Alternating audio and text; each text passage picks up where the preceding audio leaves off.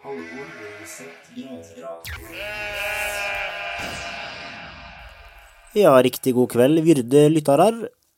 Da var det søndagskveld, og nå kommer episoden med Irene og Merete ut. Men eh, jeg og Simen er jo litt ute av tralten, vet du, for det er jo lenge siden vi har drevet podden nå, så eh, vi klarte å kødde til lyden på mikrofonene våre, så den ble ikke så veldig bra. Eh, Men heldigvis da så filma vi jo hele episoden, så vi har fått tappa lyden ifra, ifra den filmen da i stedet, så da ble det ganske greit. Så dere får bare bære over med at det er litt eh, mer sånn, ja, romlyd det det vanligvis pleier å være. Eh, Så kos dere med episoden, og så plutselig ses vi igjen. Ja, da får vi nok en gang ønske oss sjøl velkommen til et sted. For vi har drevet og sagt at uh, nå ønsker vi gjestene velkommen, men nå er jo vi på bortebane som vanlig. Det er vi.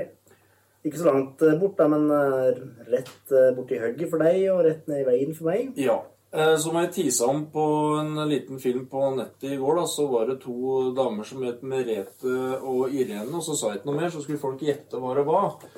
Men dere kan få presentere dere, da. Irene, hva heter du for noe mer? Det er Irene Tronsveen. Ja, og Merete? Morenning Birkle. Og da tror jeg kanskje folk skjønner hvem vi sitter. Ja. Ja. Vi sitter på Alvdal bok- og papirhandel. Ja. Fellesnevneren for disse to, den. Ja, der er. Skal vi spørre deg litt først, da, Irene? Det var jo Merete har akkurat tatt over her, da. Men uh, Irene, åssen havner du egentlig her i første gang? Det begynner å bli noen år siden, er det ikke det? Ja. eh, Jeg var ansatt i det som het DMT Alvdal den gangen. Dette var i 2003. Og så hadde vi trykkeri, og så kjøpte vi bokhandel. Og skulle drive både trykkeri og bokhandel. Og det gjorde vi, begynte vi jo med. Og så etter et år så var jeg daglig leder i bokhandelen, og så jobba jeg på DMT i tillegg. Så ble det litt mye, så da endte det med at jeg kjøpte bokhandelen i 2004. Og det som er litt morsomt, er at jeg har bodd i Oslo i elleve år. Og når jeg flytta hjem igjen, så begynte jeg faktisk å jobbe på bokhandelen. Og der var jeg da et halvår, og når jeg slutta, så sa jeg at jeg skal nå i hvert fall aldri mer jobbe på bokhandelen. Og så skulle det gå noen år, og så eide det faktisk. Ja. For da var det en Kåre Dalen Kåre Dahl, som vi kjøpte av. Ja. Mm, Mm. Der var det. Og så kjøpte jeg et av DMT igjen. Ja. Det var i 2004, så drev vi i 17 år. Ja, så fra å gå og aldri skulle jobbe på bokhandler, eh, så ble det faktisk 17 år, ja. ja. Eller bokhandelen mer, da, for jeg jobba jo der et halvår før. da. Ja, ja, ja, ja. Så ble det 17 år. Ja. ja. Men den eh, nevnte på trykkeriet, og det er Word. det er i bruk her i ettertid òg, etter DMT? Ja, vi, jeg la det i 2009. Ja. Og da var det utstyret så gammelt at det kun var en skraphandler som var interessert. Det var Jeg måtte vel betale for å bli kvitt maskinene, rett og slett. Ja. Ja. Men det dugde veldig bra til sitt bruk og dem som var der. Altså, men jeg skjønte etter hvert at jeg skjønte jo ikke hva som foregikk der. Og det er, skal du eie og drive noe, så bør du ha en viss forståelse av hva som skjer. Mm. Så da kjente jeg at jeg bare måtte legge det ned. Ja. Ja. Men du jobba litt i eh, starten som både daglig leder og på DNT, sa du. Hvorfor valgte du da å gå 100 hit i stedet for å kanskje gå 100 tilbake til DNT, eller hva skal Jeg, ja, nei, jeg kjente jo liksom at det var noe som pirra meg litt der, da. At jeg, jeg liksom litt Holde litt orden eh, Ja, nei, jeg, det var et eller annet som trigga meg, rett og slett. Og ja, litt sånn tilfeldig, men jeg følte jo egentlig at jeg havna på rett tiltak. For jeg brukte hele meg, da. Med alt fra regnskap til varemottak og bestemme litt og Nei, det var nok litt tilfeldig. Men Ja. det ble noe sånt. Ja. Mm. Men eh, det så vel ikke sånn det jo, gjør her nå, den gangen du tok over? Eller? Du har gjort ganske mye Ja, Sånn men det var egentlig DMT. Men Ivar Thoresen gjorde den største oppussingsjobben. Ja. For det, da vi tok over fra Kåre, så var det slett ikke sånn. Men så ble det pussa opp veldig mye i mai i 2003, og da var ikke jeg så veldig involvert. Nei. Så det var en stor oppussingsjobb da. Og så tok jeg over og satte mitt preg på det. Men eh, det var jo et kontor bak her, hvis noen husker det. Jeg husker det ja. faktisk. Ja. Men der var ikke jeg som uh, fjerna. Det var, de var DMT. Ja.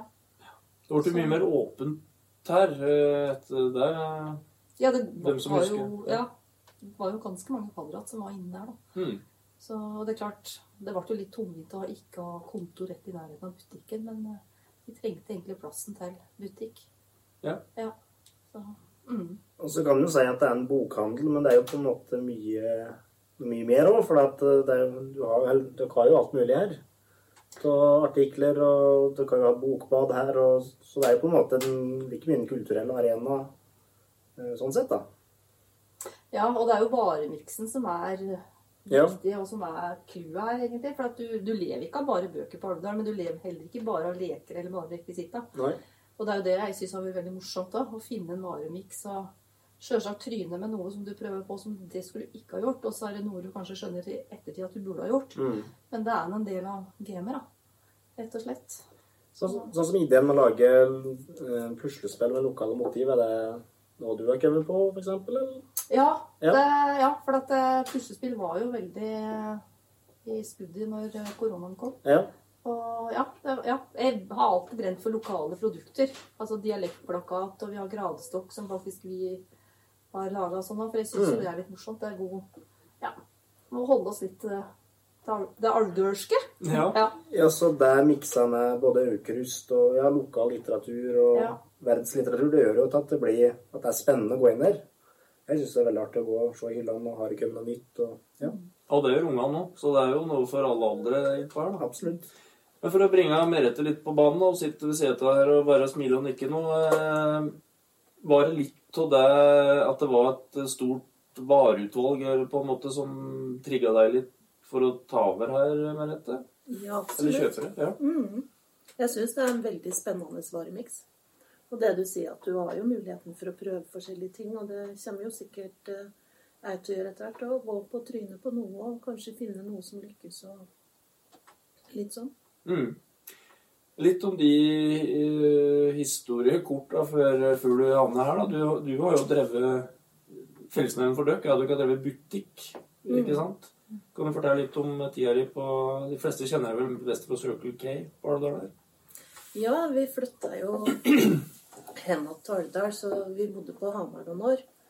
Og så eh, var det jo litt eh, eh, ønske, spesielt fra kanskje ungene og mor og far, at vi skulle prøve å bo i Alvdal litt. Jeg pendla til Hamar noen år. Eller ikke noen år, men i hvert fall halvannet år. Og så ble det ledig jobben på, som da var på Statoil. Så søkte jeg på den, og jeg hadde jo jobba der. Jeg jobba jo for Jon når jeg var jente. Det var jo første sommerjobben min. Og kjente Sigrid godt og sånn, så jeg følte jo at jeg hadde litt greie på hva det dreide seg om. Så da fikk jeg dem, og så var jeg der i 16 år. Ja. Ble 16 år, ja. Mm. Men eh, da sjappa her kom ut for salg, da var det Tenkte du ja med en gang dette har jeg lyst til å gjøre? Har du gått med en bokhandler i magen, eller? Ja, har jo, vi snakka jo lite grann når du lufta litt at du kanskje kunne tenke deg en annen eh, fast jobb. Så sa vel jeg at ja, kanskje jeg òg kunne ha tenkt meg liksom noe som ikke er døgnåpent. Ja.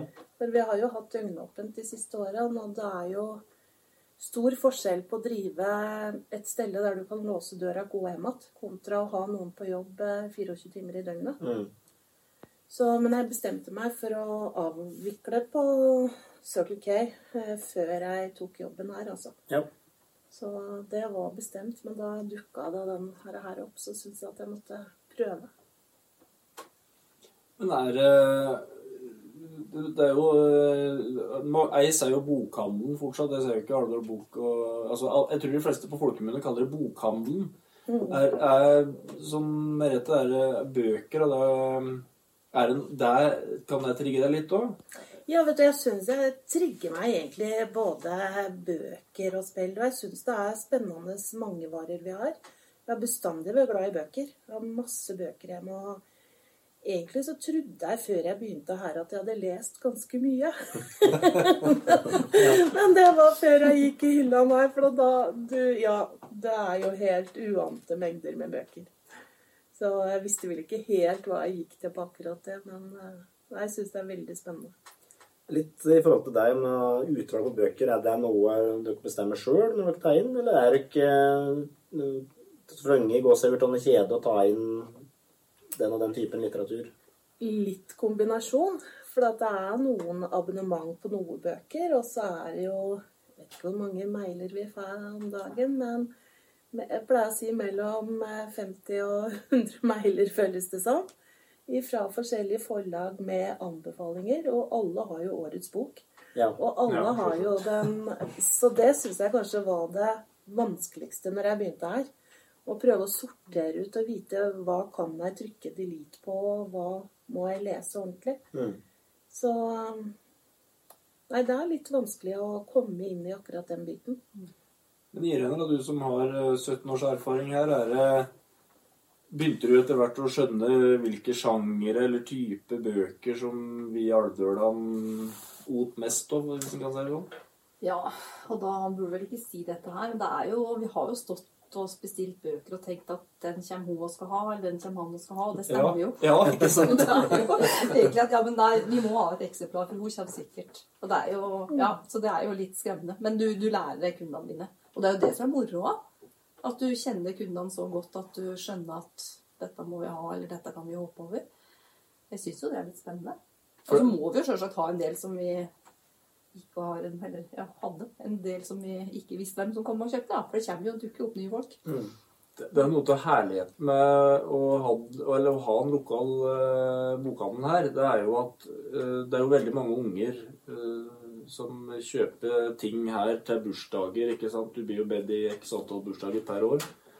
Og da har jeg opplevd det at jeg kommer inn her og skal kjøpe en ting, og så Irene har så ekstremt kontroll eh, på det, og så Nei, han eh, eller hun da, ønska seg det og det og det, og så er det noen som har kjøpt det og det. Men det er altså en Og det er virkelig et kompliment, altså, Irene. Det er altså så stor styrke for et eh, Når det er så lokal at du på en måte Og da slipper den ungen å komme og bytte ti like, ikke sant? Ja, ja. Ja, det syns jeg er fascinerende, altså. Kanskje hun skriver opp ei liste. Nei, jeg tror hun har det i huet. Men er det noen sjangerbøker som er krim? Er det Hva kalles det? Lucinda, Lucinda Riley-bøker? Feelgood-roman. Er det det heter, ja. ja. Ja. Er det noe sånne Er Alvdølen noe spesielt på én type der, liksom? Egentlig ikke. Nei, jeg syns vi er liksom litt sånn jevnt fordelt. Ja, det er bredden, egentlig. Ja. Men det er klart, Alvdølen lar seg jo påvirke av eh, aviser og mediumtaler. Det Ja, så er jo jo det. noen sånne godbiter innimellom Ja. som alle skal ha, som Ja. du plutselig ser ti bøker Ja. av den samme, liksom. Ja. Det er, men det er noe litt noe spesielt. Det som det egentlig går mest av, er jo lokallitteratur. Mm. Og det går mye av det? Ja, det går mye av det. Det er jo ikke det en bokhandel tjener mest på, men det er jo faktisk den hylla som er veldig viktig å ha oppdatert. og Jeg vet ikke om det er sånn nå, men det var Jo, jo, det er nok Ja. Så tenker jeg litt av de der romanene og det andre som kommer ut. Det kommer jo ut på butikker og, og sånn nå, i tillegg til at vi har det. Så det er jo ikke alle som går på bokhandelen og kjøper det, liksom. Og butikk, da mener du dagligvare? Da mener jeg dagligvare. Brown og Det er sånn. Ja, ikke sant? Nei, men det er jo en del eh, som kommer ut der òg, ikke sant? Av de romanene. Ja. sånn. Ja, det har blitt mer og mer av det, ser jeg. Men eh, ja. Ås- Åssen er trafikken her på en vanlig dag, da? Er det langt i Eller kommer det Jeg husker jeg jobba i banken som sommerjobb. Da kunne det være stille en time, og så kom alle samtidig, liksom. Ja, Er det litt sånn uh... Den kjenner jeg nok litt Ja. på Ja. Det er stor forskjell på dagene her og på Circle K, for å si det sånn. Ja. Kan jeg gjette når det er mest hektisk? Jeg Ja. vil gjette på mellom fire og fem, kanskje? Nei, faktisk ikke. Det er Noen ganger så har jeg tenkt at det er jo noe vits i at vi er oppe til fem, for at mellom fire og fem så er det veldig rolig. På hverdag, ja. Ja. Mellom eh, to og fire, hadde jeg ville sagt. Ja. Eller Ja. kanskje tolv og fire. Tolv og fire. Ja. Mm. Men kundene har alltid sagt at de blir ikke klok på når de kommer og ikke kommer. Nei. Men det er som du, altså fra banken, det der at enten så er det stilt, og så Mm. kommer det, så kommer det mange. Men om vinteren så er det jo sånn, da må du jo se om det er skirenn på TV, og Therese Johaug vår, så kan du egentlig Mm. finne på noe annet. På det er, Det er bra å ha lagt opp den, så kjenner Ja. litt mer jevnt. Men eh, har dere noe dialog med eller jo, biblioteket, om eh, hvis de f.eks. har noen bøker som er, står fremst i hyllene, er det noe dere passer på å ha da? Hvis det er en ny bok som er kommet opp på der, som den var på utstilling, liksom? Eller er dette helt uh, Lever vi i hver sine verdener? Nei, altså de, vi, vi prater jo veldig mye sammen, eh, sammen. Men vi er ikke sånn at en går og ser der og ser hva de kjører på, og så kjører de på det samme. Nei? Men jeg tipper at veldig mye er det samme, for de må bli jo prega av det som er nyhetsbildet og Ja, klart forfattere Og som og er i har jo et godt eh, De kjøper jo bøker også. og Vi har jo et godt samarbeid og prater jo med dem flere ganger i uka sånn sett. Så vi Mm. ser jo hva de tegner bøker, og hva de har, og liksom. Så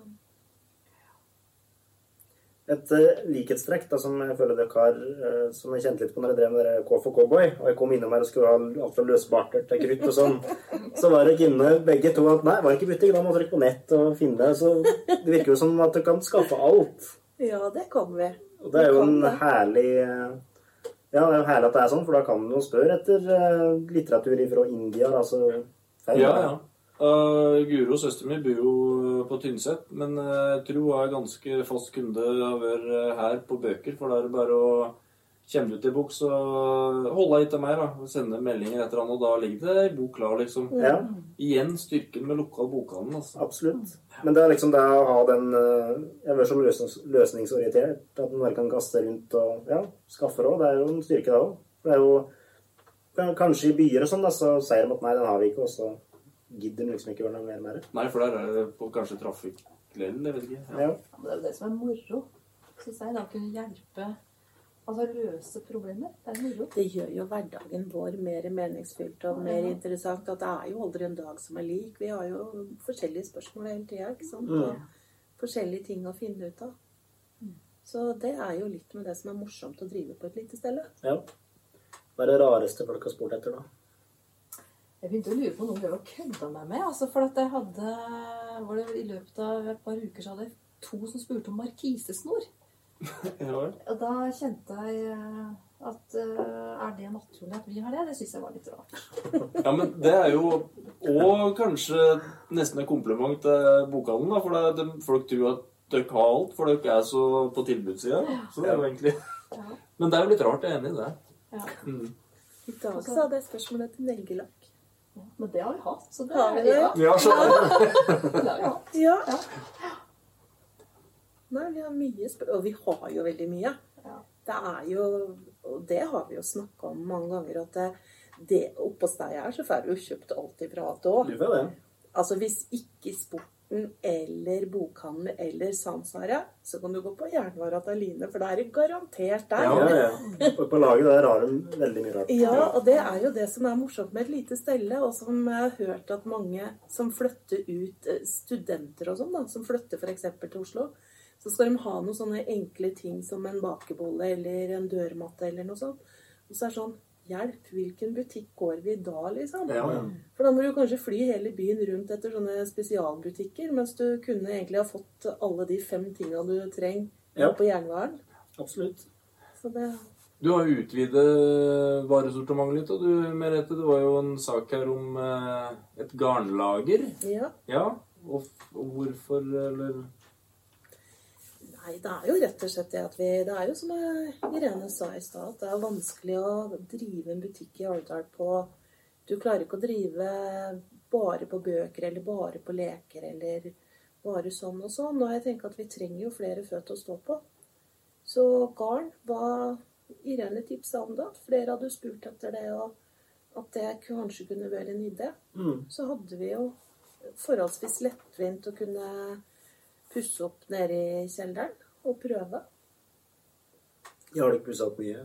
Ja. Nei, vi har pussa opp den firkanten du på en måte Ja, der vi har garnet, liksom, da. Ja, ja. Mm. Jeg husker det var feriebussen. Der. Ja, det kan hende. det den er Det der. var ikke det Nei. det var, ja. Ja, men det var han ikke noe lager, nei. Nei, men de brukte trykkerinne. der. Ja, Ja. jeg tror det var, jeg tror det var nede. fløy opp og ned trappa.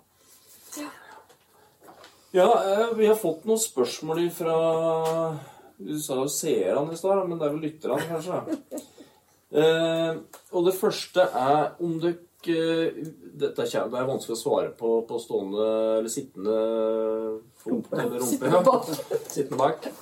Men om dere har ei bokanbefaling, er det ei bok dere har lest som tenker at denne her bør jo folk lese, eller som dere syns var veldig bra? Eller? Det er vanskelig å svare på det kanskje på stående sittende bak, men Eller om det er noen nyheter som du kanskje vil anbefale? Veldig Nei, bare ta først. Ah, jeg tenker på hvilke jeg skal anbefale? Nei, men jeg har en bok som heter 'Bienes hemmelige liv'. Den er ikke ny. Og som jeg har anbefalt til eh, veldig mange. og fått veldig god tilbakemelding på. Og det er når Jeg skal si, jeg klarer ikke å fortelle hva det handler om. Det er bare en veldig veldig god bok. En sånn rolig bok fra borti USA. Og der kom det faktisk en ei dame som var gjennomreisende, som bare stoppa og skulle ha ei bok, for hun skulle også ut til Bodø, og så skulle hun ha ei bok å lese på hotellet. Hun kom innom på vei ned igjen for å takke for tipset. Yes. For hun var så fornøyd, og hun sa at jeg skjønner når du sier at du ikke kan si hva den handler om. Men det er bare sånn veldig god bok. Veldig god bok. Ja. Som jeg liksom tenker at hvis du skal ha en bok som på en måte du bare kan flyte med, da.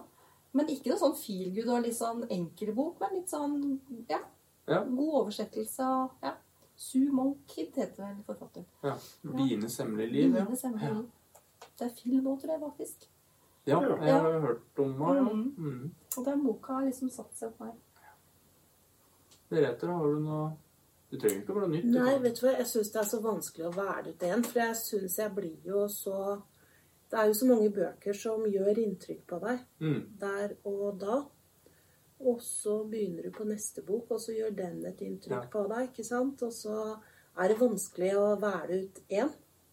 Men eh, jeg vet eh, noen bøker som har satt seg, som jeg aldri glemmer. Det er eh, 'Prisen på et barn' og 'Tusen brennende soler' og litt sånne bøker som er litt sånn tyngre, og som handler litt om litt sånne vanskelige temaer og sånn. Mm. Den setter seg jo ofte litt Skulle til å si nesten for godt Ja.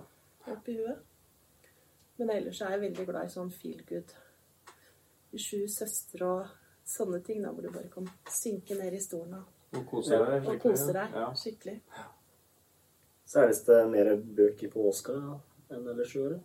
Nå er det min første påske, så jeg vet Ja, ikke. Men jeg tror jo jeg har jo funnet frem masse krimbøker og håper jo at det går litt unna til det. Det gjør det, gjør det altså. Sånn, det- det går jevnt, tenker jeg, hele året med bøker, syns jeg. Så du føler liksom ikke høytida. Nei, ikke, ikke sånn som du gjorde til å begynne med, nei. Nei. Første året jeg drev her, så var det mye mer fokus i forhold til påske og jul. Men nå har det liksom blitt mer hele året. Mm. Jeg tror det har endra seg litt, dette her. At bøker er blitt litt mer allemannseie, faktisk. Heldigvis. ja, det tror jeg faktisk. Ja, og, Mm. det syns, og derfor går det hele året. Det syns jeg er veldig fint. Og så tror jeg kanskje, heldigvis, da, kan sier at eh, den e-bokbølgen ikke ble så stor. At folk heller vil ha det håndfast. da. Ja. Jeg er i hvert fall der at jeg vil heller sitte med eh, det håndfaste materialet enn å sitte på en pad og sveipe, liksom. Ja, ja. Lydbøk har kommet for fullt. Ja. ja så det er jo den som tar markedet, og ikke e-boka. Mm.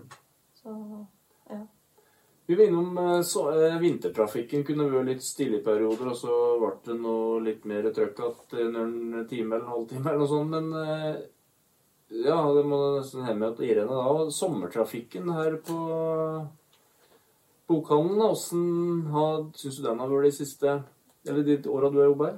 den er veldig bra. Og det spørs De siste åra har vært eh, veldig bra. I fjor hadde vi rekord.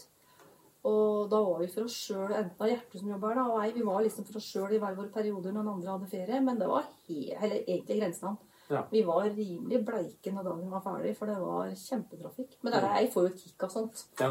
Jo mer jeg har å gjøre, jo mer trives jeg. Så sånn er jeg. Men ja. det er veldig bra trafikk om sommeren. Det er det. Og det er koselig trafikk. Altså Folk har tid. Folk er som regel i humør. Det er klart Noen har vel kanskje sittet litt lenger i bil og det går en kule varmt, men da må man jo bare prøve å løse opp stemninga litt. Ja. Mm. Ja. Så vi er Sommeren er nesten i ferd med å bli like stor som desemberen, faktisk. Ser du det? Ja, nesten. Det er utrolig bra. Ja. Og, og kanskje spesielt ja, de to siste åra med mindre utenlandsfart, År, så har det kanskje vært ja, merker jeg det veldig godt. Ja. Ja.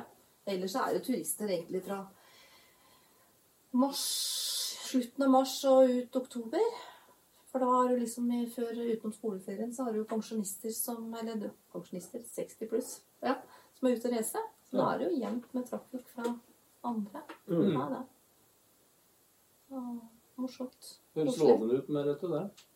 Jeg syns det er overraskende mye utenbygdsfolk. Jeg er jo overraska over alle ukjente liksom, som stopper og Du har jo sagt det bestandig. Mm.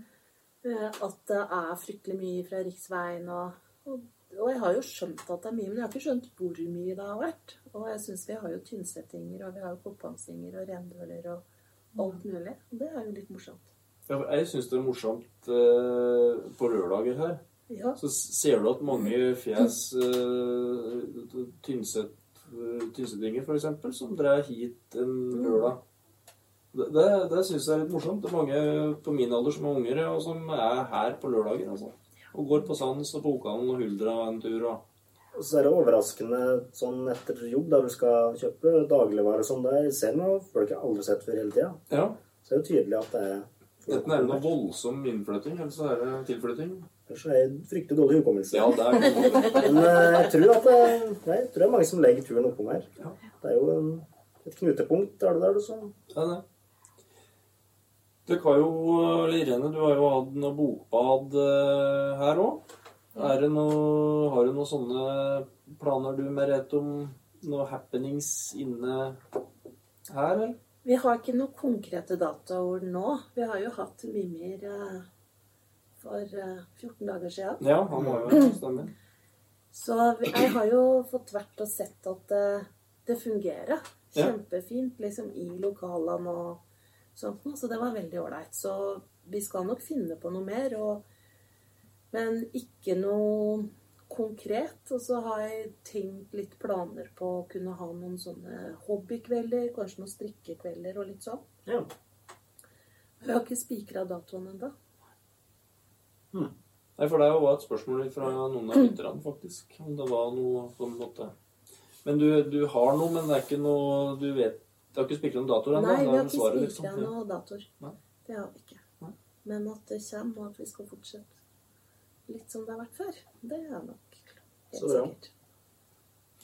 Og så enda et spørsmål. Er det noen eh, forandringer i butikken? Du har vel ommøblert eh, ørlite grann, har du ikke det, Merete?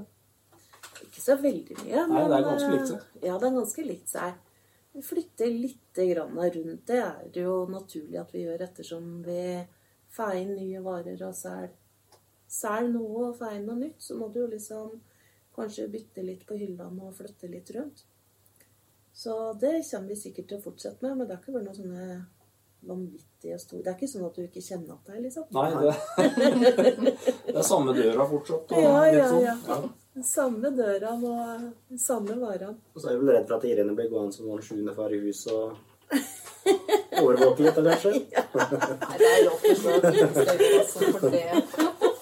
Nei, jeg blir mer glad enn jeg blir stressa når hun kommer innom. Altså, for jeg har bestandig spart opp da masse spørsmål. Du, Irene, hvor bestiller jeg det? Og du, Irene, hvor gjør jeg det? Og du, åssen gjør jeg det? Og så er det jo litt morsomt. Så sa og sånn Du, men du, den der i leka der tror jeg faktisk du har feil sa jeg. Så da må ha litt stålkontroll på meg, altså. Om, det, om jeg har vært glad for det. Ja, men Jeg har vel et inntrykk av at dere begge to er ganske glad i kontroll og ordnung hos sein, eller eh, det, det, altså, det er jo veldig ordentlig jo her, er det ikke det? Ja, skal vi sove om natta, så må det være sånn. Ja.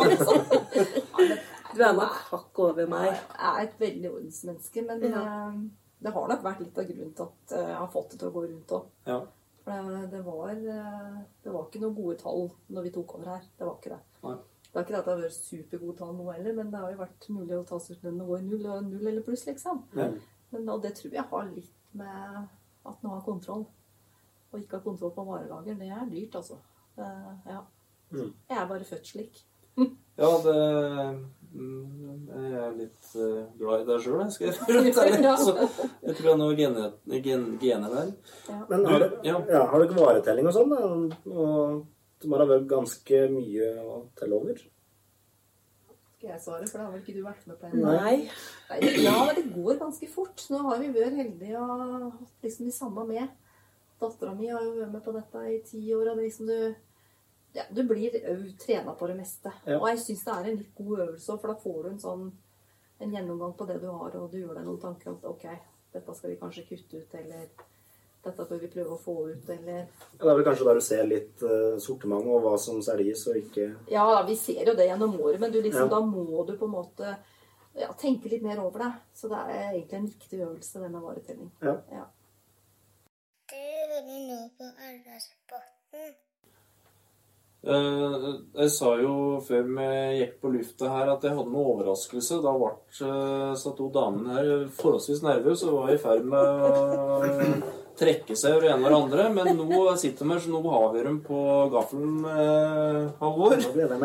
For vi har nemlig vært i kontakt med noen av ungene våre. Nei, gud, mamma. Vi kan da begynne med hun som hadde bokhandelen først røkt, da. Det er Irene. Så jeg har spurt eh, Jeg føler jeg kjenner flere, flere av ungene deres ganske godt, for jeg hadde dem på skolen mange år. Men jeg skulle beskrive Irene her, da. Jeg kan røpe at det er yngstemann, da. Omtenksom og livlig. Godt humør og skravlete. Målbevisst, tålmodig og en svært god mor, skre- sa han. Og da spurte han til og med etterpå Trenger du mer?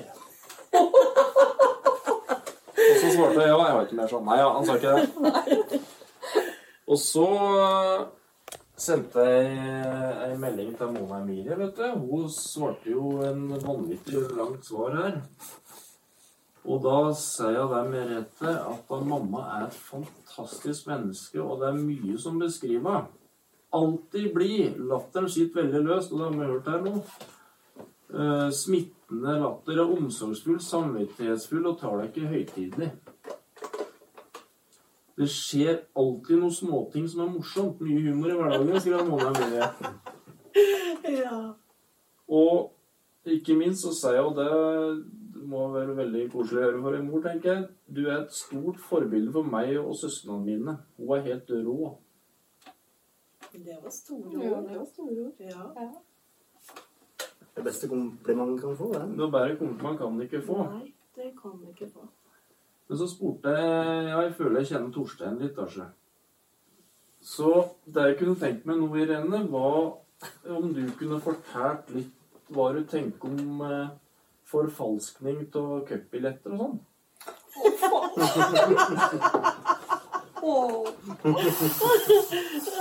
Det kunne jeg gjerne tenkt meg. Hva tenker du, Halvor? Jo, dette må vi Ja, jo vi må, dette må vi nøste opp litt i. Jeg har aldri hatt så dårlig samvittighet i mitt liv. Nei, det har vi hørt noen rykter om. Men du må fortelle hele historien her, Irene. Det tror jeg egner seg på lufta. Ja. Åssen var dette der nå? Å, kjære, kjenner jeg får helt spilt sjarmene. Nei, altså, den drev jo og Vi drev oss Altså, det er fotball har gått hjemme uh, i heimen min i alle år. Og så ble det jo lagt ut cupfinalebilletter. Og da fikk jo Satt jo ungene og Jon, da, min tidligere ektemann, og la inn på Jeg tror det var på e-post, og bestilte billetter. På alle e-postene de fikk tak i. Ja. For at vi måtte prøve å booke noen. Og jeg tror vi, vi kunne vel få to billetter på hver uh, Kjære. På hver e-post. Og så fant jeg ut at dette skulle jeg jo kødde litt med. Og så klarte jeg da å gå inn på e-posten min, og så endra jeg avsenderadressa mi til Norges Fotballforbund. Og billett til cupfinale og overskrift, og sendte da til eh, Torstein, tror jeg det var, at han hadde fått, fått to billetter. Men det var jo ikke sant at han hadde fått det. Og så tenkte jeg at dette, ser jo, dette kan jeg jo stoppe med en gang han leser den, så kan jeg jo si at dette er tull. Og jeg sendte, og så var han på trening, og så kom han liksom aldri att. Og så tenkte jeg nei, jeg går med en tur. Og så skulle jeg gå med en tur. Og så når jeg kommer att da fra Rosenborg skulle i cupfinalen. Kommer att da, så når jeg kommer oppå veien, så hører jeg vi er på vei til Ullevål. Da ble det spilt den sangen for full guffe. For da hadde han kommet hjem igjen, og så hadde han sett den uh, mailen. Og jeg kommer inn døra, og han kommer springende og hiver seg rundt Harsvoll. 'Mamma, mamma, vi har fått billetter til guffa!' Fy fader! Jeg visste ikke helt hva jeg skulle si. Jeg klarte ikke å si noe som helst. Og så Jeg husker ikke hvor lang tid det tok, men til slutt så måtte jeg bare si at du, dette er bare tull. Og da trodde de ikke på meg med en gang. Men det som var, var det verste, var at da Siri, som var hun eldste, som ikke er fotballinteressert, vet du, ble så sur på meg at det var, det var ikke noe god stemning heimen da, altså. Men når det er sagt, så var jeg Har du hørt til slutten, da? Å ja, ja. Noen uker etterpå så var jeg på et møte i Oslo, og det var faktisk over varamedlem i Øybussenteret. Og der var Ivar Ragne Jensen som jobber i NRK. Så begynner jeg å fortelle meg historien der. Og så sier han ja, men du, jeg har billetter jeg, som vi ikke skal bruke, så bare du kan få dem, du. Så jeg klarte å ordne billetter til dem. Snakke om lykkelig slutt fra historien. Ja, men da, vet du, jeg kom hjem og kom og hørte den musikken, det var det verste jeg Guri malla. Åh, jeg gikk nok litt over streken, tror jeg. Det var også var så godt planlagt òg. Ja, ja. Ja. Men, men uh, trodde han Torstein på deg når du kom opp med billetter og sa Nei, da trodde de ikke på meg. Det gjorde de ikke. De trodde faktisk ikke på meg da. Nei, fugl-bulu-historie. Ja, Ja. ja. Det, og det skjønner jeg faktisk. Ja. Ja. Hva med Rosenborg, da? eller? Ble det en, antiklimaks? Det husker jeg ikke. Jo, det tror jeg de gjorde, for jeg tror jeg var så eplekjekk og sa at du må huske på hvem dere skal takke for billettene. Nei, for den, den, Du har eh, omtrent ordrett den Torstein eh, har fortalt meg, der Ja. du fortalte noe. Også, Ja. men han skriver til slutt der, ja Dette husker hun godt. Tror nesten ikke hun sov den natta, sier hun. jeg hadde, spredt ut. det var helt forferdelig. Ja. Og han mente han var 11-12 år. Ja, han var, det var noe med det, at han var jo ikke gammel. Og Nei. Ole hadde jo bare lurt den til. Altså, og fotball var livet, ikke sant. Og jeg bare at har fått billetter, og så var det jo ikke sant. Jeg syns jeg ser ansiktet på Nei, det var litt mørkt i heimen noen dager da. Ja. Det var det. Egentlig ganske lenge, for det gikk jo noen uker før jeg klarte å skaffe billetter. da. Det sier jo litt når til og med Siri liksom reagerer på det som ikke er interessert. Ja, ja. Hun syns jeg var skikkelig stygg. Men det er et godt tips til alle fedre der ute. Prøv på A-lagskamp først. Ja, min, min Alvdal Alex-kamp. Du kan ta den helt ut. Altså, en ting jeg lurer på, da. Hva gjør dere når dere har fri? For det virker jo som dere eh, Om dere ikke er på jobb fysisk, så har jeg inntrykk av at dere jobber litt oppi huet, liksom vel. Hva gjør dere på en eh, god fridag? Har dere noen sånn faste Eller har dere fridag? Jeg har hørt om det. Jeg skal i hvert fall begynne med det nå. Nå skal jeg jo ha fri annenhver lørdag hver søndag og sånn. Og da skal jeg begynne, da skal jeg være på Høstdalen på Bolsætra. Ja. Det er planen min. Det hørtes jo ut som en veldig god prioritering. En god plan, det. Ja, Ja. det tror jeg blir veldig bra. Vi har jo nesten ikke vært på der de siste årene, for det er jo det er så dårlig telefondekning der. Så når jeg var på Circle K, så var det jo liksom alltid Det er jo noe med at du bør være tilgjengelig når du har unge folk på jobb, og du Ja. Ja. Er mye rart langs veien, liksom. Og nå har du ikke såpass store unger, dere så det er kanskje noe dere virkelig kan. Ikke sant? Og resten på deg, slappe Ja. av. Og, ja. Altså, det gleder jeg meg veldig til. Men nå kan, ganger når ungene blir større, så da går det over fra at de ikke vil være med, at de vil være med òg, sikkert. Det er noe der, vet. Ja, det er du helt rett i, vet du. Ja, sånn er det. Irene, Nei, jeg har eh, Jeg må nok finne meg en hobby, jeg, altså. For jeg har, det har vært, butikken har vært hobbyen min. Ja. Og det innrømmer jeg glatt, altså. At jeg er veldig glad i å jobbe. Så jeg har sagt at jeg skal finne meg en hobby. Ellers så går jeg mye tur til fots fra dørstokken hjemme og en runde. Det gjør jeg nesten hver dag. Ja.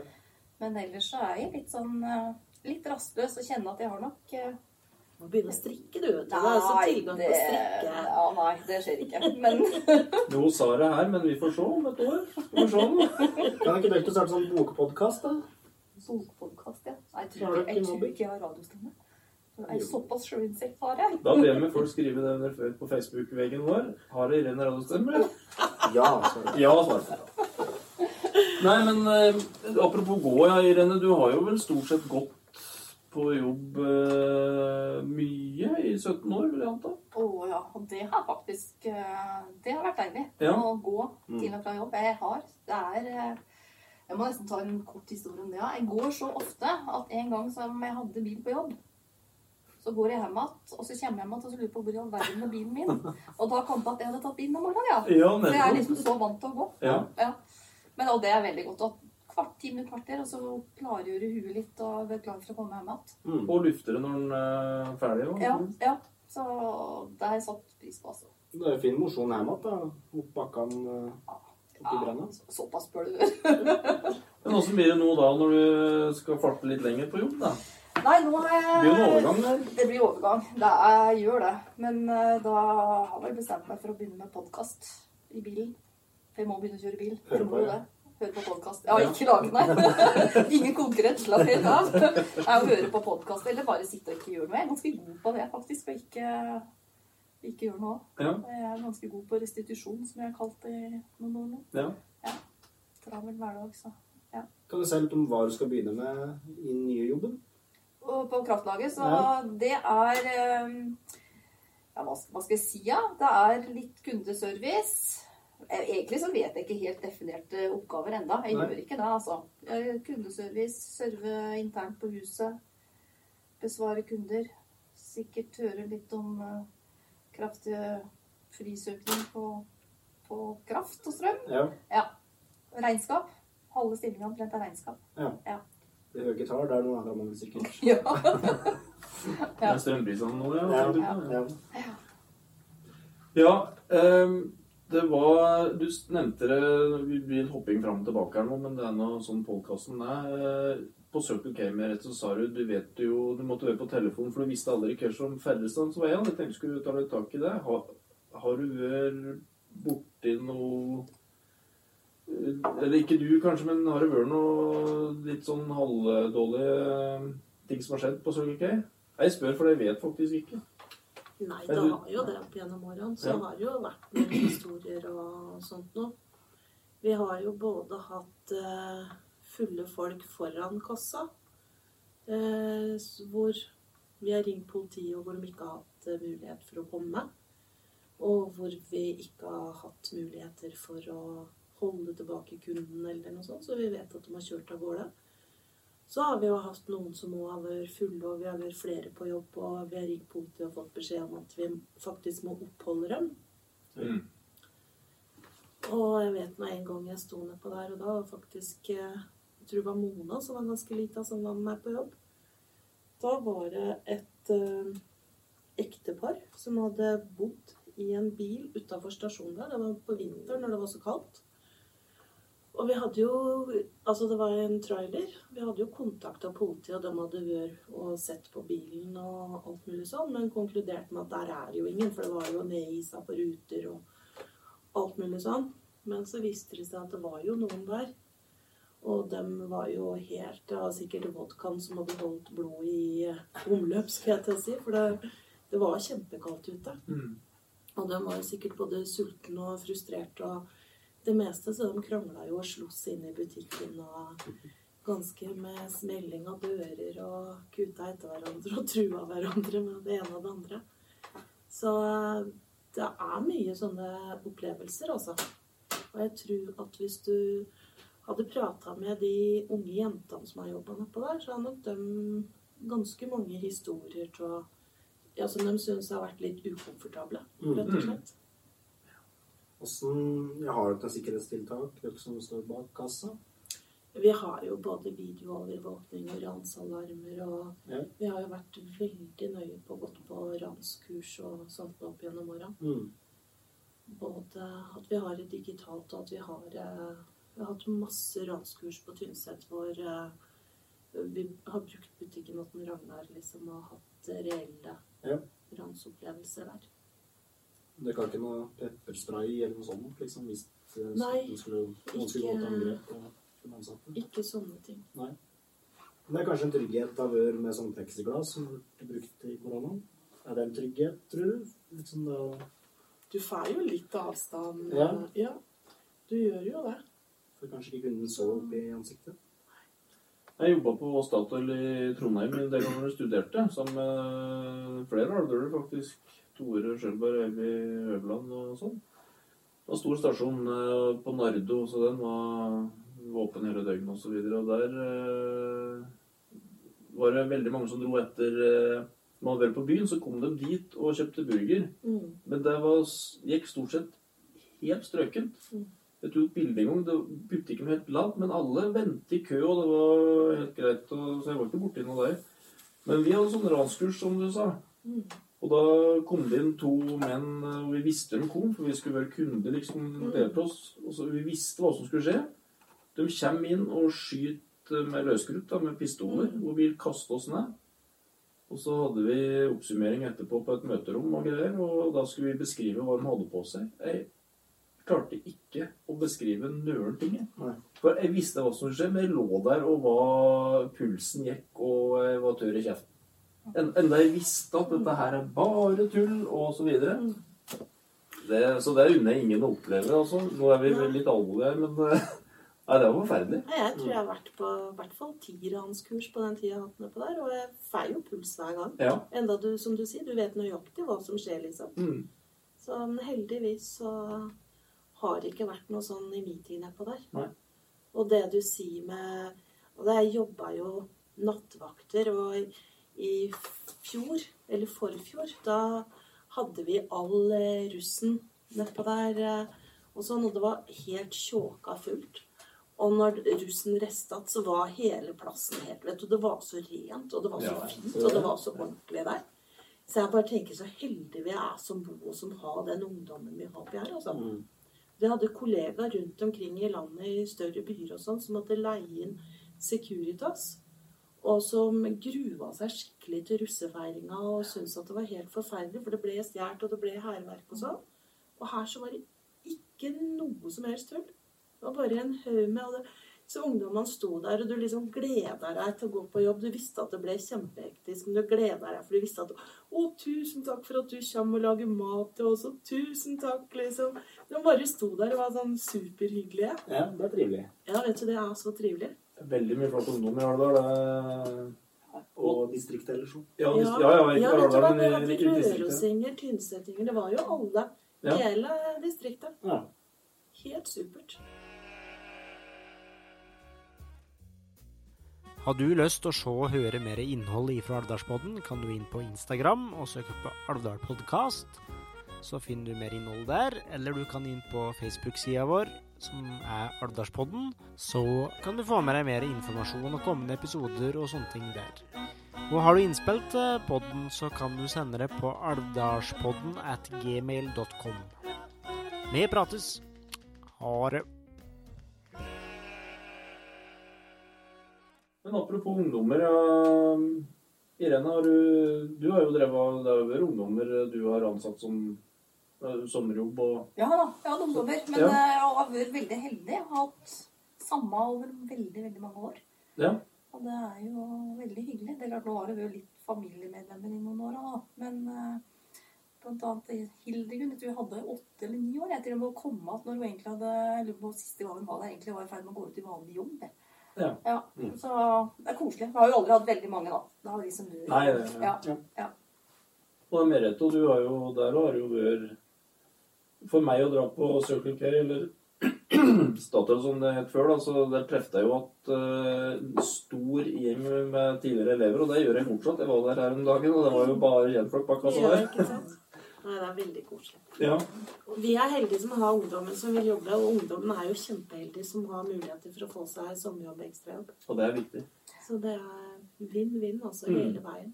Og så morsomt det er for oss som begynner å bli litt eldre, da, så er det veldig morsomt å jobbe sammen med ungdom nå. Eh, Mona var jo litt morsom en gang, for at eh, jeg jobba sammen med ei jente, og vi jobba. Vi hadde så god kjemi, og vi jobba veldig mye sammen. og tenkte egentlig aldri på at det var noe aldersforskjell.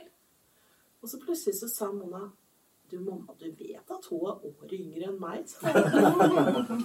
og det var liksom sånn ja, jeg vet jo egentlig, men jeg hadde aldri tenkt over det. Nei. For at det blir liksom viska ut litt grenser, og ja, jeg tror det er sunt for alle. Jeg jo føler meg jo ungdommelig av meg helt til vi begynner å snakke om hvor gammel jeg er i forhold til elevene jeg har. ikke sant? Det må vi, det må vi slutte med å snakke om alder. For, ja, jeg, det er jeg bare med dem, ja. Men eh, jeg føler meg liksom så på G med dem. Helt, jeg kunne nesten ha vært bestefar dem snart. Nei, det var tveit. Eh, Vel, vel. da, da hadde jeg vært tidlig ute. Men jeg kunne i hvert fall vært far dem, for jeg er eldre enn mange to. Nei, ja, men det gjør altså, Folk er folk på en måte òg. Det er noe med det, altså. Så er det noe med, spesielt på en sånn bensinstasjonsjobb, så er det jo det er en veldig Kan vi si at eh, det er sikkert en hard førstejobb, og en fin førstejobb, med at du får både mye ansvar og får forhold til mye forskjellige folk. Og, eller, Lærer vanvittig mye, vet du. ja, jeg leste en artikkel her om at eh, eh, ungdom i byene de valgte ofte McDonald's, for det var et veldig fint springbrett for ja, både lederjobber og at de kunne på en måte utdanne seg litt via å jobbe på McDonald's. da. Mm. Og det er sikkert litt ja, noe likhetstrekk med hektiske dager og uh, ha mange tanker i huet samtidig. Mm. Irene, angrer du Har du angra på at du solgte bokhandelen? Nei, jeg har nok ikke det. Jeg var eh, Jeg har egentlig hatt ti tonger hele, da, men eh, nei, jeg var klar for det. Jeg var det. Mm. Jeg, eh, jeg kjente vel at tida begynte å bli moden for det. Og så er jeg liksom til den Jeg pleier alltid å si at vi er ansvarlige for egen hverdag. Og i det så ligger det det at du må sørge for at du har en jobb hvor du Jeg har aldri mistrivdes, altså, men jeg kjente at det begynte liksom å, å nå et punkt. Og da Ja. tenkte jeg at da må jeg faktisk eh, gi meg før, før du begynner å gå nedover, på en måte. Før jeg mister motivasjon til å drive. For da går det fort nedover med en butikk, altså. Hvis du ikke er på hugget og sånn. Så ja. Nei, så jeg har ikke angra. Veldig glad for at da Merete som tok over. Og, men det var gledelig stor interesse, da. Det var det. Ja, for det, det snakka jeg litt om med uh, folk her en dag, og hvor det var jo flere som meldte interesse for bokhandelen her. Ja, det var det. Ja. Det var eh, eh, Det var vel sju reelle hvor jeg hadde samtale med Du husker ikke om det var tre eller fire? Og jeg bare liksom, for jeg hadde satt en fastpris. Tapte kanskje på det, men det var nå greit. Hadde satt en fastpris, og det var flere som da ville kjøpe. Så det syns jeg er veldig, det er jo veldig hyggelig, og det er hyggelig for Steia. Ja. Altså at interessen er der. Så ja. Det, det var koselig. Ja, og det betyr jo at det har vært en kvalitetsbutikk òg, når interessen er såpass stor. Det er jo sant. Mm. Hva sa ungene om når du skulle se Nei, det var litt sånn Jeg tror nok eh, de, det var like røft for, eh, for dem, egentlig. Rart. Altså, de, de respekterte avgjørelsen min, men Så det var, nok, det var nok veldig rart. Altså, de har jo, som du ser, vært vokst opp her nesten. Mm. Ja, for han var jo ikke så gammel, dem. eh, Nei, Torstein, var vel fem med kjøpte, Ja. og det er klart, de har jo har jo blitt dømt ned hit noen kvelder og søndager fra jobben. De har jo det. Så det er klart, eh, å ha livet sitt her, så de syns nok det er veldig rart. Men eh, de unner meg en litt annen hverdag, for å si det sånn. da. Ja. Det samme gjelder deg jo, det er rett på stasjonen. Ja, jeg kjenner at uh, veldig det der der. Ja. Det, det var jo en liten sorgprosess hos ungene når vi slutta nedpå der. ja. For de følte at de hadde vokst opp der. De hoppa av bussen og var jo på kontoret liksom og venta på at vi skulle hjem igjen. Ja. Mm. Hvis det er én ting du Er det én ting du savner, eller er det én ting du vil sette liksom høyt som du gjennom Circle K-tida di, som var noe av det som virkelig dro deg på jobb om eh, morgenen eller på kvelden eller på natta? Som liksom Du vet hva, var jeg så bra, ja. syns egentlig at de, eh, de 14 årene som jeg drev stasjon, eller de 14 første årene, hva jeg skulle si, så syns jeg egentlig jeg hadde drømmejobben. Jeg grua meg aldri for å dra på jobb. Jeg syns det var kjempemorsomt. Jeg satte pris på både de ansatte og ikke minst Vi hadde en kjempefin forhandlerforening i Hedmark. Mm. Eh, Veldig fin gjeng. Og veldig godt samarbeid med en Ragnar på Tynset hele veien og sånn. Eh, Så det satte jeg pris på. Men eh, så fikk jeg jo korona i 2020 og ble nok litt ekstra sliten etter det og ble litt dårlig etter det. Og da ble det Alt ble et ork i stedet for en glede. mm. Så da ble det litt snudd på huet, liksom. Men de første årene så syns jeg det å ha en sånn hverdag med du At du har så mye forskjellige ting, det er jo det som gjør det artig. Det er liksom ikke skapt for å sitte bare på et kontor eller gjøre det samme opp og opp igjen. Så vil jeg jo tro at det ble en overgang for far din nå, Olav, som både har vært litt sånn husfar og vaktmester der, og ligger der tidlig om morgenen og holdt orden. Syns han det han er langsomt nå, eller ikke har dette å gå til om morgenen? Nei, jeg tror han koser seg faktisk. Ja. Men eh, det hører jo med til historien at eh, plutselig når jeg har gått på jobb et par ganger, så har jeg hørt at har tumla litt borti vedskålen. Da han var rydda borti vedskålen. Så det er klart at han- er en arbeidsglad fyr som liker Ja, ja, å Det er viktig å holde seg i ånde, som du sier. Ja. Så, så det syns jeg jo Nei, jeg tror han eh, setter pris på å ha mer tid til ja, familie og Ja. venner og kose seg. Ja, en aktiv kar, han også. Ja, han går på ski og sykler. og- Nei, han gjør nok ikke det, altså. Hva er, Irene, hva er den beste tingen med å, være, å ha vør, da, eller hva, å være bokhandler på Alvdal, da? Eller noe du kjente å savne? Eller, ja. Ja, kundekontakt. Altså Ja, jeg savner jo det å eller hjelpe folk, rett og slett. da. Ja. Si at folk er fornøyd når de går ut igjen. Det, det er hyggelig. Jeg, ja, jeg savner det litt. Jeg gjør det. Ja. Må være såpass ærlig. Og så kanskje det kollegiet innad i handelsstanden Ja, som er på. Vestskolen her òg. Ja, men samtidig så er det folk Det er jo kanskje ikke så lett å skjønne, men det å drive en butikk sånn i utgangspunktet for deg sjøl kan være en ganske ensom jobb, faktisk. Ja, det er At du må ta alle avgjørelser. Og det er klart vi har et kollegiale, men du, jeg kunne jo liksom ikke bare gå fra å stå og prate en stand i Nei. en time med kaffekoppen, på en måte. Så Men det, det er et fantastisk fellesskap oppå her, altså. Mm. Ja, det er det. Ja, men jeg skjønner den ensomheten, for at en Stein kan jo f.eks. ikke svare på de spørsmåla som du har i forhold til drift og butikk og vice versa. Nei, nei. Så, så, det, så det er jo det er, det er kanskje ikke så lett for folk å skjønne det. Men, eh, men det blir litt sånn Ja, bli gående litt for deg sjøl, faktisk. Mm. Kan gjøre det. Men eh, du er jo ikke ensom, det er jo ikke det du er, men altså at du blir drivende med ditt for deg sjøl. Ja. Ja. Jeg tenker Spesielt i starten, når en er yngre, så er kanskje blir og kanskje litt usikker på bør jeg gjøre dette, eller Det er kanskje lettere for uh, dere begge som har drevet butikk nå, for noe dere Det er mer trygg på dere sjøl, kanskje, i de rollene. Kanskje kan vel kanskje litt være for en veldig veldig ung en å skulle starte en sånn type butikk, kanskje? Altså, jeg tror butikkdrift er litt sånn at enten så passer det, eller så passer det ikke. Ja. Altså, jeg tror ikke nødvendigvis det går an å gå i skole for å bli en god bokhandler. Altså, du Det er så mye bøk, det, kanskje. Ja, det er en stor fordel. Helt klart. Men altså, du, du Ja, enten så passer du, eller så passer du ikke. Ja. Jeg tror Det gjelder jo mange jobber, men kanskje spesielt uh, innen butikk. Mm. Ja. Ja. Så, ja. Hva uh, unger er mye av inne på bokhandelen her, vet jeg. For uh, mine unger kaller Eller i hvert fall de to yngste sier jo ikke bokhandelen. De skal på lekebutikken, tross alt. Og der uh, har det jo blitt mer og mer leker. Er det rett å forstå, eller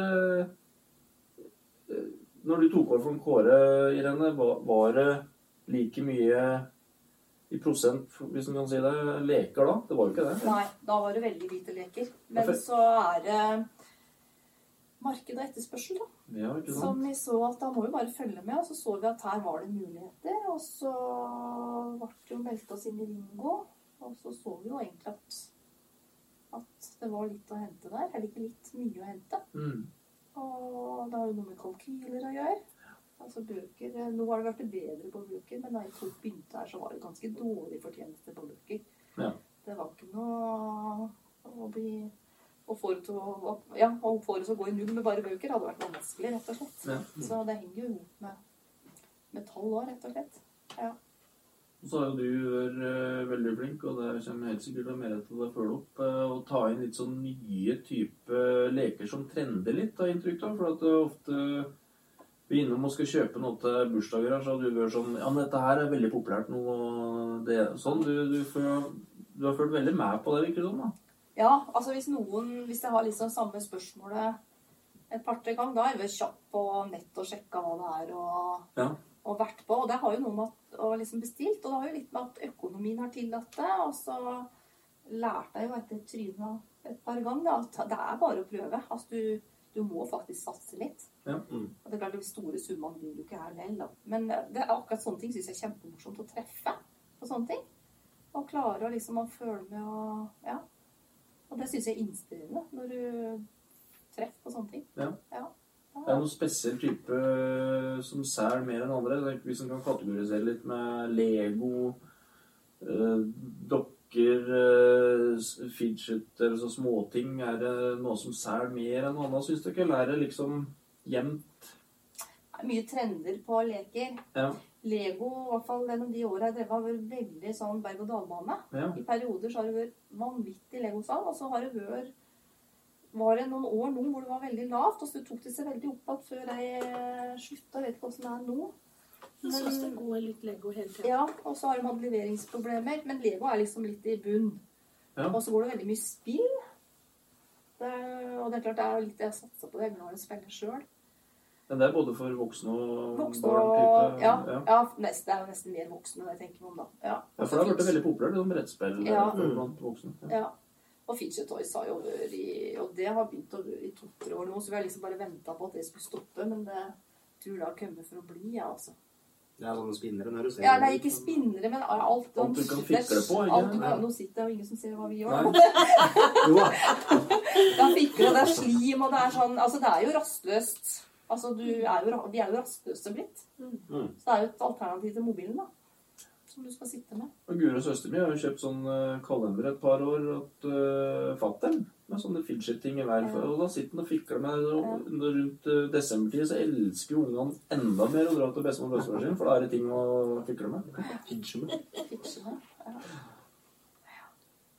Når jeg begynte å tenke på sånn når vi prater om spill og sånne ting Bøk og spill er vel kanskje det som står best i pris i forhold til hvis er ikke sånn kultur, da, bok, i forhold til film. For en DVD eller DVD er jo ingen som kjøper det lenger, men hvis en tenker der, at Floppy de, disk. de koster jo jo en sånn 199, men bøk koster jo litt, og det er jo bra at det koster, for at det er jo et håndverk som er lagt av. og ja.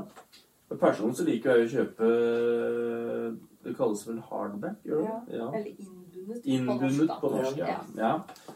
I stedet for pocket, da. For at jeg liker å ha det i hylla, så, så liksom det ser så ordentlig ut. Men pocket kan du kjøpe et, hvis jeg skal på ferie så er det greit med en pocketbok, liksom. Men uh, hva er det går mest av her, da? Er det innbundet, eller er det pocket? Ja. Nei, pocketsalget har datt eh, for et par år siden. Det har vi aldri klart å få opp igjen. Oh. Men det er sånn på landsbasis. Det er blitt en veldig ja, merkbart nedgang på pocket. Men er det derfor at folk ønsker å ha det i hylla, eller er det fordi at folk har mer For en innbundet koster vel mer òg? Koster mye mer, og så er det jo kanskje Burde kanskje ikke si det høyt, men det kan være at dagligvare faktisk har tatt litt av det markedet Pocket, fra ja. fagavdelingen. Ja, ja, det kan hende. Ja. Mm. Og sånn er det når handlemønsteret er jo endring. Ja. Så mm. Ja, nå kanskje hvis det, jeg skal ha med noe på stranda, så er det kanskje lydbok like gjerne. Så får Ja, det du gjøre det sånn. Det som steker seg. fleskene steker seg litt, ja. Mm. Hva er det, lydbøker er ikke noe Det særtes jo på CD-rom, som du kaller det. Ja, kompaktisk. Ja, Ja. kassett. Men eh, det er ikke noe dere selger her, nei?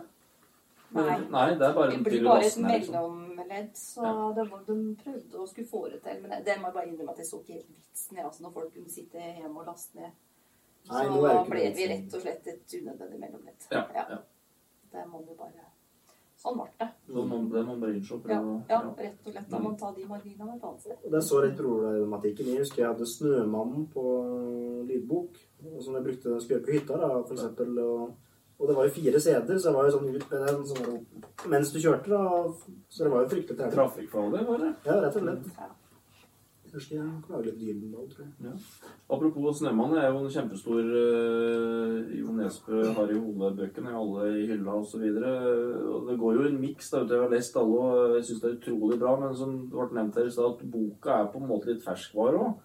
Jeg klarer ikke å utsi at de Rødstruper skjedde det og sånn, men bare Men eh, er det noen ny eh, Harry Ole-bok på trappene? Vet du ikke noe om det? Nei, Ikke som jeg har fått med meg. Det nei, det har ikke jeg fått med Nei. Nei. For da kommer jeg til å bestille de, altså, bare så du vet det. Det skal jeg notere. Ja, meg. jeg noterer det med en gang. Og da sender jeg melding, da, vet du. Ja, for Nå er den, han her. Nå ja. er han lagt av. For det er jo en sånn type trendbokserie, eller kanskje? Eh, Særte du mye av den, Irene? Ja, vi ja. særte mye av gjorde. Ja. Men så må jeg jo innrømme at de korte bøkene han kom med, når Rød snø var den der, jeg husker jo ikke hva den heter, litt korte, tynne krimbøker. Ja, ja, stemmer. De eh, ja, Jeg syns ikke sjøl de var noe gode heller, det er lov å si det. Og vi merka at kundene datt av eh, Jo Nesbø når de bøkene kom, altså. Akkurat. Ja. Ja. For jeg har ikke lest så mye av dem, så jeg bare Nei, håper at det det har gode er, opplegg. det er dagens boktips. Finn noen andre bøker. Og den kan jeg signere under, faktisk. ja. Men nei, nei. Men, men liken Jo Nesbø, så må jeg tipse om en annen en. Mens det er jo litt sånn bokland her nå. Jan Erik Fjell skriver noen veldig ålreite bøker. Det er veldig, veldig Litt i samme gata på en måte. Mm. Kanskje ikke så voldsomme voldsscener som det kan være i Jo Nesbø, men det er veldig veldig bra Jan Erik Fjell. Altså. Ja. Det anbefales. Jeg drev og leste med til den Sigmund Løvaasen har gitt ut. Det syns jeg er veldig ålreit. Ja, du ble litt inspirert etter han var her, kanskje? Ja. Mm. Han har jo skrevet teater og litt forskjellig, så han er jo litt Ja. Ja. Jeg er litt på sånn nå. Bølgelengde der. ja. Du var han, ja. Ja. Nye pod. Sigmund og Halvor. Ja. Du hører nå på Alvdalspodden, en podkast for og med alvdøler. Ja, nå har vi jo prata litt om viktigheten til å ha lokal eh, bokhandel, og vi har prata litt om uh, Steia som sådan, men hvor viktig er det å ha lokale butikker i nærheten av ja, der folk på Alvdal bor? Jeg tror det er kjempeviktig. Jeg tror det blir veldig stusslig å være Alvdal hvis eh, vi ikke har de lokale butikkene som vi har. Og det er jo litt eh, grunnen til at jeg syns det var artig å ta over på bokhandelen. For jeg brenner jo for at Steia skal være et levende sentrum. Mm. Og jeg tenker at alle butikkene på sentrum her er så avhengige av hverandre. For at vi har varemiksen som gjør at du kan få tak i der du trenger på Steia. Og jeg tror at folk, det er lettere å få folk til å flytte hjem til Alvdal når vi har et sentrum som er oppegående med alle butikker. Eh, Det er lettere å få folk til å bli boende her. Vi har masse arbeidsplasser, og det er liksom en sånn positiv ringvirkning på det. Mm. Og vi snakker jo om det i stad òg, at uh, når du til og med ser en Tynsetting Nei, det er flåsete der, men altså uh, Det er jo noe som drar folk hit, for at vi har et eh, det er en veldig fin varemiks, som du ser, med Sporten, Ultra, Bokhandelen, Sans, Spar og Prix. ikke sant? Det er jo en veldig fin miks oppå her. Så det, det er bra. eh, Men du, vi nevnte jo at det var en del Det er mye ukjente fjes som innom og handler. Er Alvdølan flink til å bruke bruke butikkene? Er vi flinke nok, eh, skulle jeg si? Det er jo farlig å uttale seg om det egentlig, men nei. Altså, mange er det, og så er det nok noen som kanskje kan eh, tenke seg om litt. Grann. Jeg må jo bare innrømme det. Det er eh, Jeg begynte å kjenne på det på slutten, at eh, at vi blir, blir tatt for gitt. Eller ikke vi, da, men butikkene blir tatt for gitt. Og det er en litt skummel eh, tankegang. Det er eh, må ha kunder for å kunne fortsette drifta. Og det er eh, kundene som, som avgjør de hvor, hvor de skal handle hen. Så skal ikke kritisere folk for å reise til Tynset eller Trondheim eller handle på nett. Men at de på en måte tenker seg litt om og tenker at i dag skal jeg faktisk støtte lokalmiljøet mitt, så er det veldig positivt. Mm. Ja, for det er ikke bare bokhandelen eller sporten eller sans du støtter. Du, altså, dette har jo ringvirkninger i kommunen som sådan.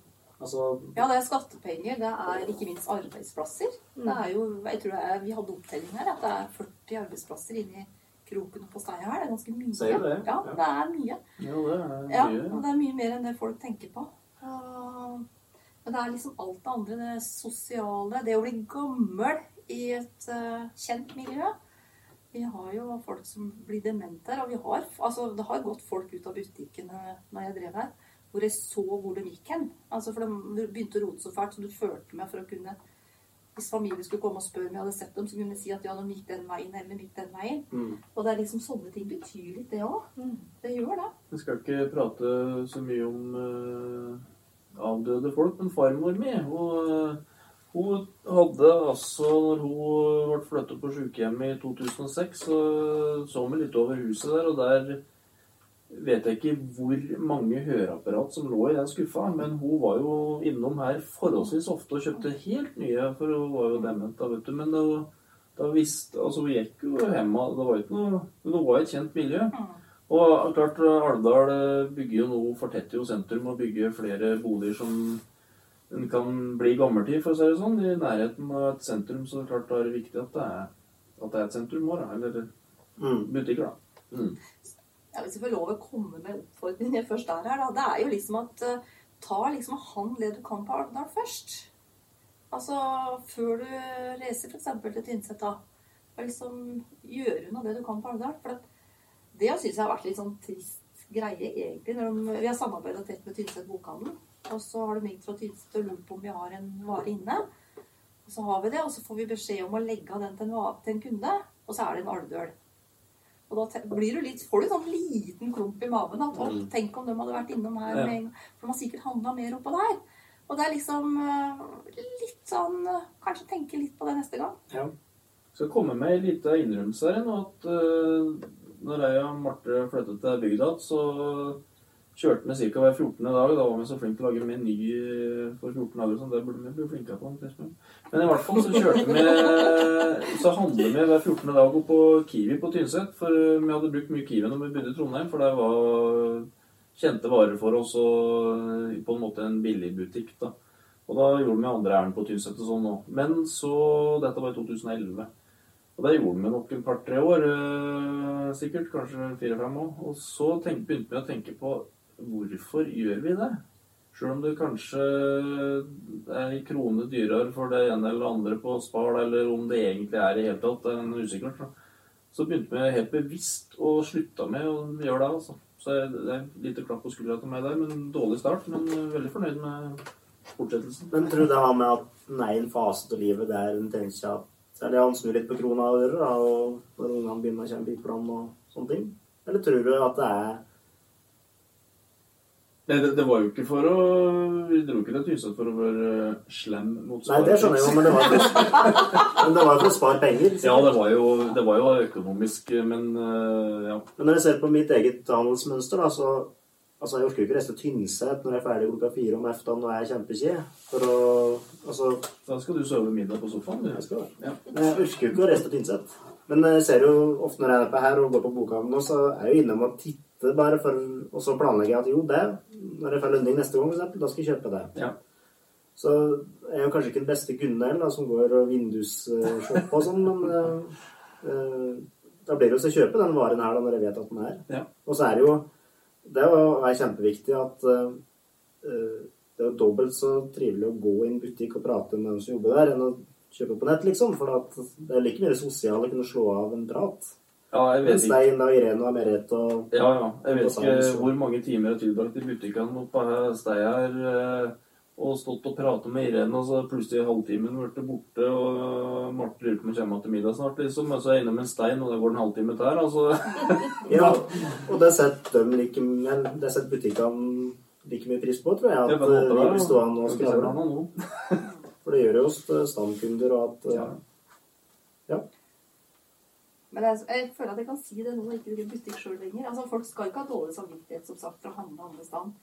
Men oppfordrer om å handle på Alvdal, så tenker jeg at da må butikkene på Alvdal være gode nok. Altså, Ja. Du skal ikke handle bare for at du er Nei, nei. på Alvdal. Og da tenker jeg at nå når ikke de sjøl, så kan jeg si at butikkene på Alvdal er gode nok. Ja, Altså, det er godt med varer her. Det er fagfolk. De vet hva de driver på. Det er et høyt servicenivå. Og da tenker jeg at det er fint å handle på Alvdal. ja. Så henger det jo så innmari sammen. For det er klart at det, desto større kundegruppe du har, desto bedre blir butikken. For du kan ta inn varer, du kan ha et bredere utvalg. ikke sant? Det er jo Det henger jo så sammen. Mm. Og jeg tror jo det at hvis folk jeg, tror, jeg blir veldig imponert over veldig mange som er kjempeflinke til å handle lokalt. Og så tror jeg kanskje at det er noen som aldri egentlig har tenkt over hvilke ringvirkninger det gir, og hvor viktig det er. At liksom om ei handler på Alvdal eller Tynset Folk bryr seg vel ikke om det, liksom. Det er ingen som er opptatt av lille meg, på en måte. Er det kanskje mange som tenker, men Mm. det er jo faktisk sånn at eh, hver og en har jo kjempebetydning. Ja, så tror jeg mange tenker at jo, om jeg handler, om jeg handler på Spar på Alvdal eller på Tynset, har jeg ikke noe å si det. Men det er jo som du sier, at det har jo ringvirkninger i lokalmiljøet. Selv om det er en kjede, liksom. Ja, ja, ja. Og så tror jeg ikke mange Det er ikke så mange som gjør det til vrang vilje med å handle på Tynset. heller. Nei. Altså, du, du, du gjør det det, det er bare du, du tenker ikke noe på det, rett og slett. Nei, Men kanskje folk skal bli mer bevisst. Og jeg tror det med lokal handel har, har blitt litt mer Sitt i hvert fall litt mer i bevisstheten til folk enn det gjorde bare for noen år siden. Det tror Tror jeg faktisk. Ja, så når den er på Tynset, hvor er den Reza der? Jo, det er jo enten på Domus, eller så er det jo på Trondtorget. Eller Alltid, som heter noe. Ja. Du går jo ikke i Parkveien, for der er det jo ikke hatt butikker. Nei. Og det er jo et kjempeproblem for Tynset. Ja. Alvdalsbotn med Simen og Halvor. Nei, eh, har vi noe eh, mer vi skal bade disse i? Det som er bokballen, eller skal vi begynne å avslutte, Halvor? Har du Vi har jo bikka timen, så Vi har bikka timen. kanskje vi har vel spurt om det som vi hadde hatt lyst til å spørre på, kanskje?